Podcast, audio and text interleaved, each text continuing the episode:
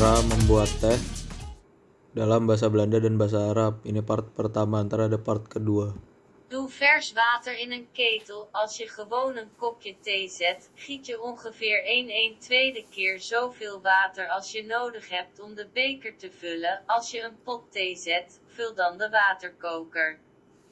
Hierdoor kan een deel van het water verdampen. Gebruik voor de lekkerste theewater dat nog niet eerder is gekookt. Verwarm het water volgens uw theetype.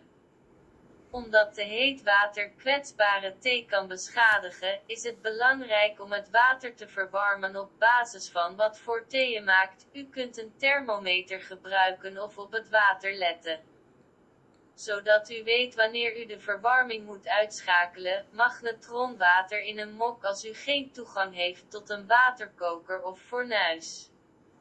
Hoewel je water gelijkmatiger zal opwarmen in een ketel of pot op het fornuis, kun je een magnetronbestendige mok ongeveer 3 vierde vol vullen met water en er een houten spies of ijslollystokje in doen.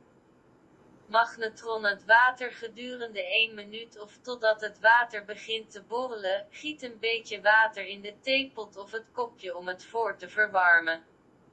Als je heet water in een koude theepot of beker giet, zal de watertemperatuur dramatisch dalen en zal je thee niet goed trekken, om het vat voor te verwarmen. Vult u de theepot of het kopje ongeveer 1 vierde tot 1 tweede vol met wat heet water, laat het ongeveer 30 seconden staan en giet het dan uit.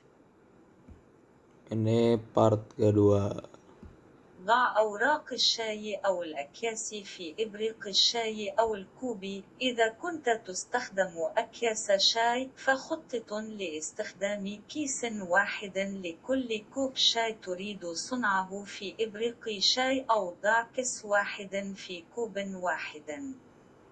لاستخدام شاي الأوراق السائبة، خطط لاستخدام حوالي واحد ملعقة كبيرة اثنان جم من الأوراق السائبة لكل كوب من الشاي تريد صنعه. اسكب الماء الساخن على الشاي. اسكب الماء في الغلاية أو الكوب بعناية. إذا كنت تستخدم كوبا، املأ حوالي ثلاثة أرباع ممتلئا حتى يكون لديك مساحة لإضافة الحليب لاحقا. إذا كنت تحضر شاي أوراق الشاي السائب في إبريق الشاي، اسكب حوالي ثلاثة أرباع كوب 180 مليلتر من الماء لكل حصة من الشاي.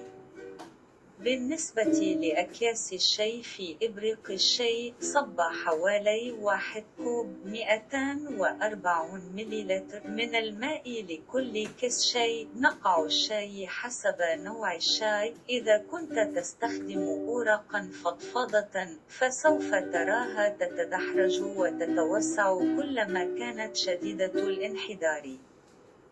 إذا كنت تستخدم أكياس الشاي، سترى الماء يبدأ في تغيير اللون، إلا إذا كنت تختمر الشاي الأبيض.